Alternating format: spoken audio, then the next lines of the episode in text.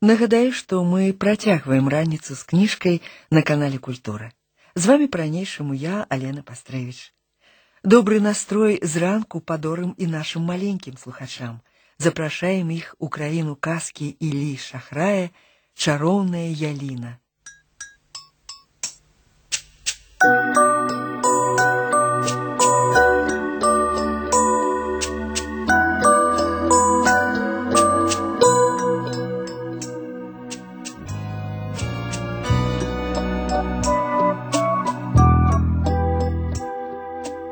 Даўным-даўно жыў-быў не вельмі добры ўладар дабраед. І вось неяк перад новым годам пачалі збірацца да яго ў замак госці. Гамоняць, танцуюць, увогуле Деда Мороза са святочнымі падарункамі чакаюць. Тут гаспадар уладар, як яго забыўся імя, Ага, нядобра дзед і гаворыць. Уявіце, якое нахабства! Дед Мороз маіх дзяцей адорвае аднолькава з простымі сялянскімі. Дарэчы, дзе ён цукеркі пернікі дастае? Ніхто ніколі не бачыў, каб дед Мороз нешта купляў у магазине. Нехта голас падаў: « А Мабыць, ягоны мяшок чароўны. Але тут у гаворку ўступіў адзін з найшаноўнейшых гасцей усюды бачлівы пан Цікункус. Ды не, не-не-не-не, спрабавалі ўжо выкрасць мяшок і не аднойчы, і ён аказаўся звычайным. Госці сцішыліся, змоўклі музыкі, зацікавіліся, а цікункус працягваў.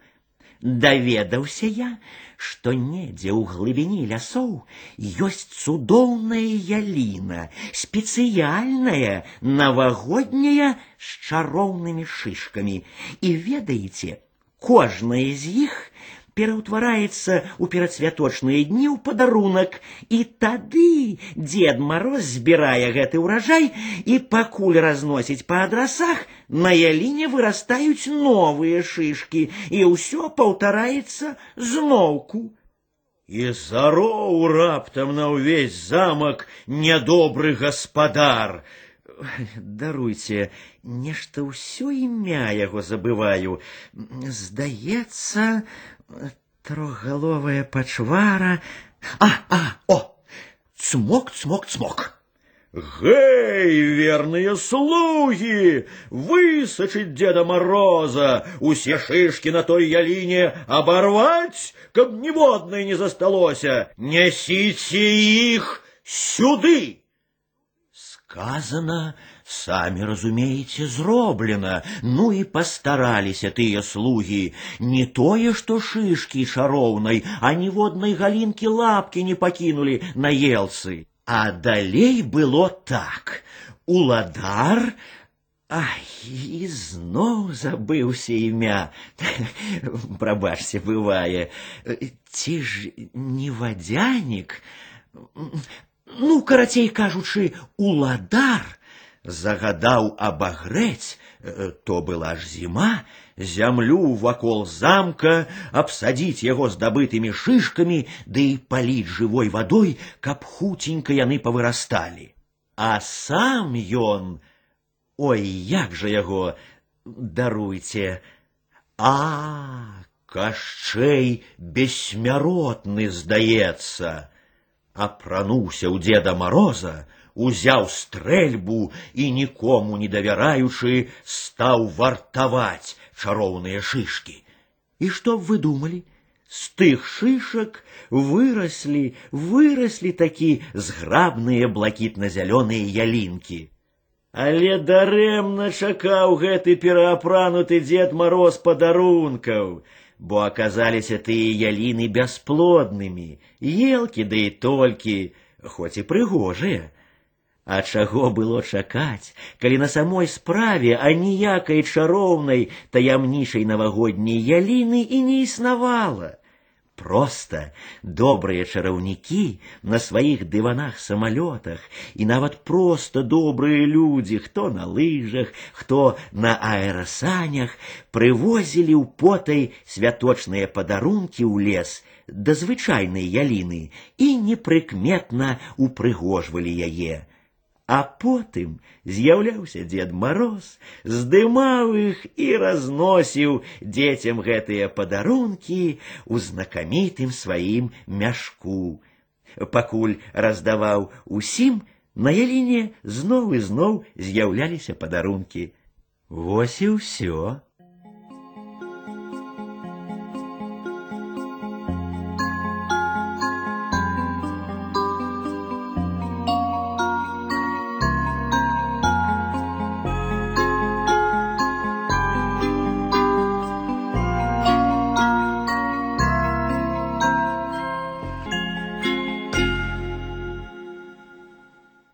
Калі вам спадабаліся казкі беларускіх аўтараў, прапануем працягнуць знаёмства. Паслухаем казку Васіля Гурскага верабейчыкі купаюцца зімой.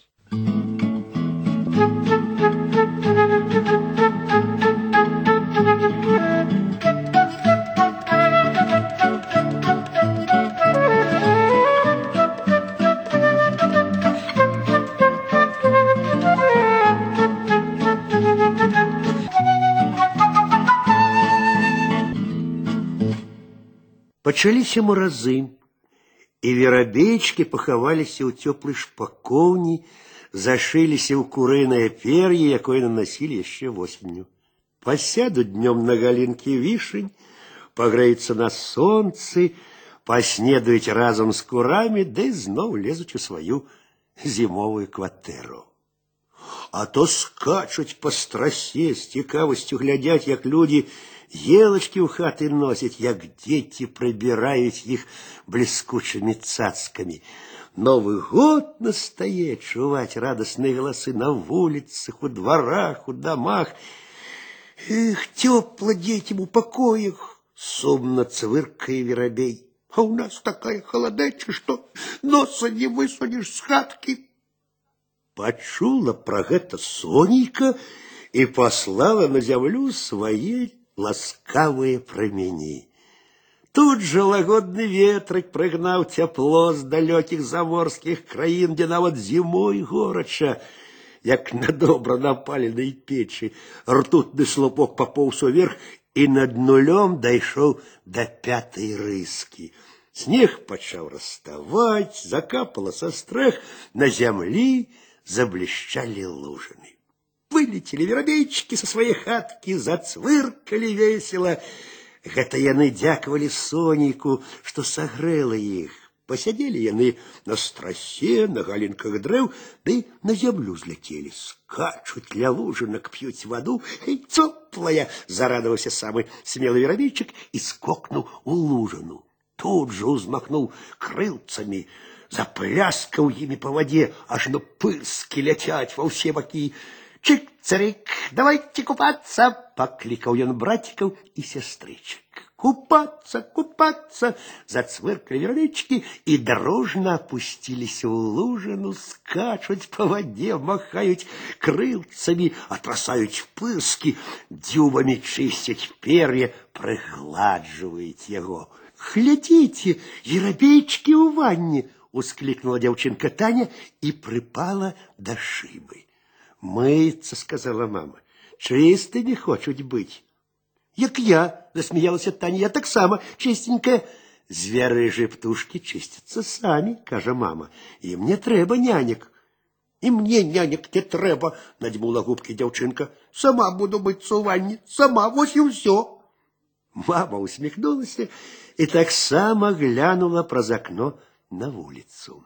Верабейчики все еще купались, то выскочить на бережок лужинки, то знов плюхается в воде, покручивают головками, весело щавечуть один одному штосьці свое, только им самим зразумелое и радостное. То вспырхивают, летают над водой, то знов задовольнением падают вниз и узнімають фонтаны пырскаў, якія веером разлетаются во все боки. Яровечкам весело, яны счастливые, зимой же купаются. А ці назіраў ты, мой маленькі сябр, за птушками? Ці карміў іх гэтай зімой? Калі яшчэ не, дык з заўтрашняга дня насып ім крошак хлеба ці трошки круп, а потым паназіраю важліва. Упэўнены убачыш шмат цікавага. Я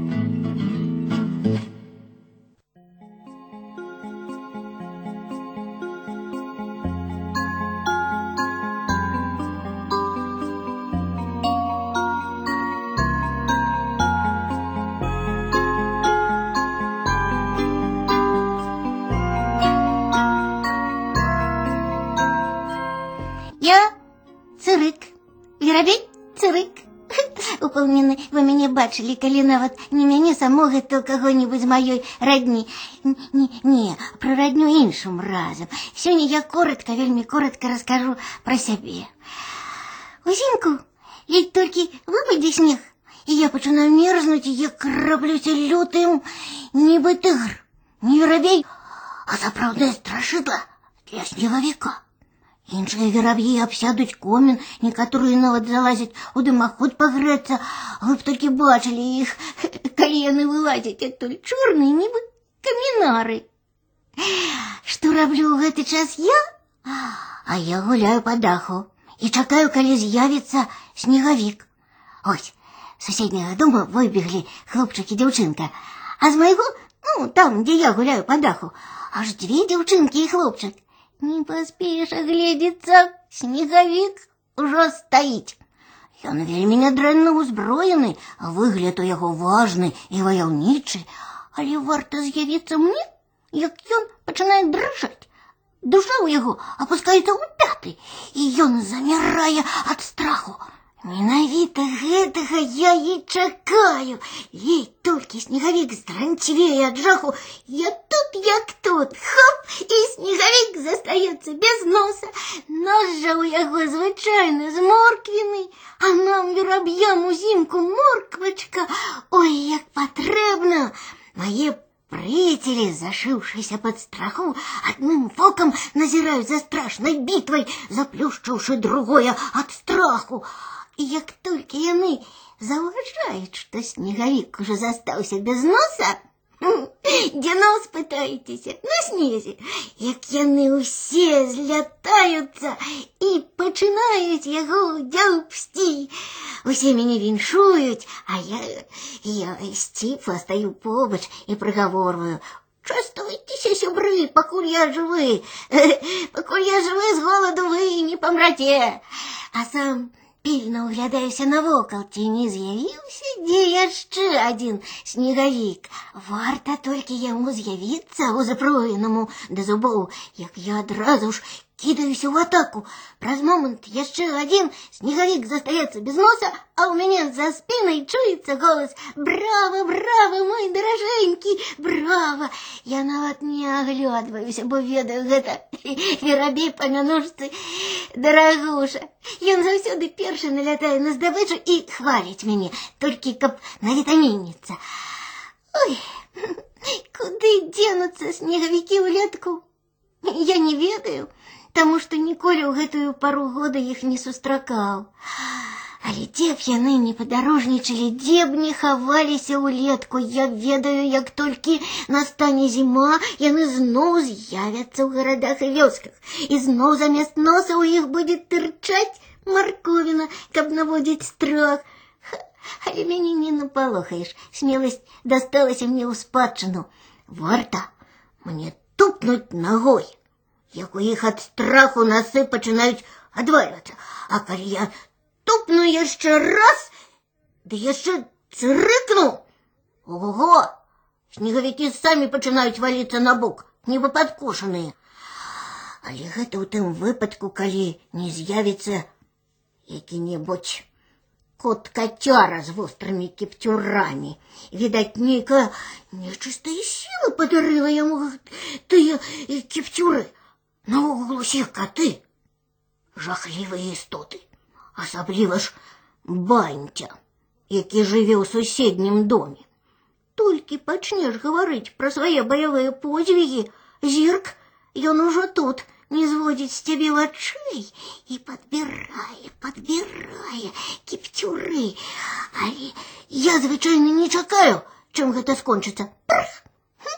Я знікаю не так ужо шмат у мяне подзігаў, каб заседжвацца на адным месцы і марна траціць свае сілы на нейкіх там катоў.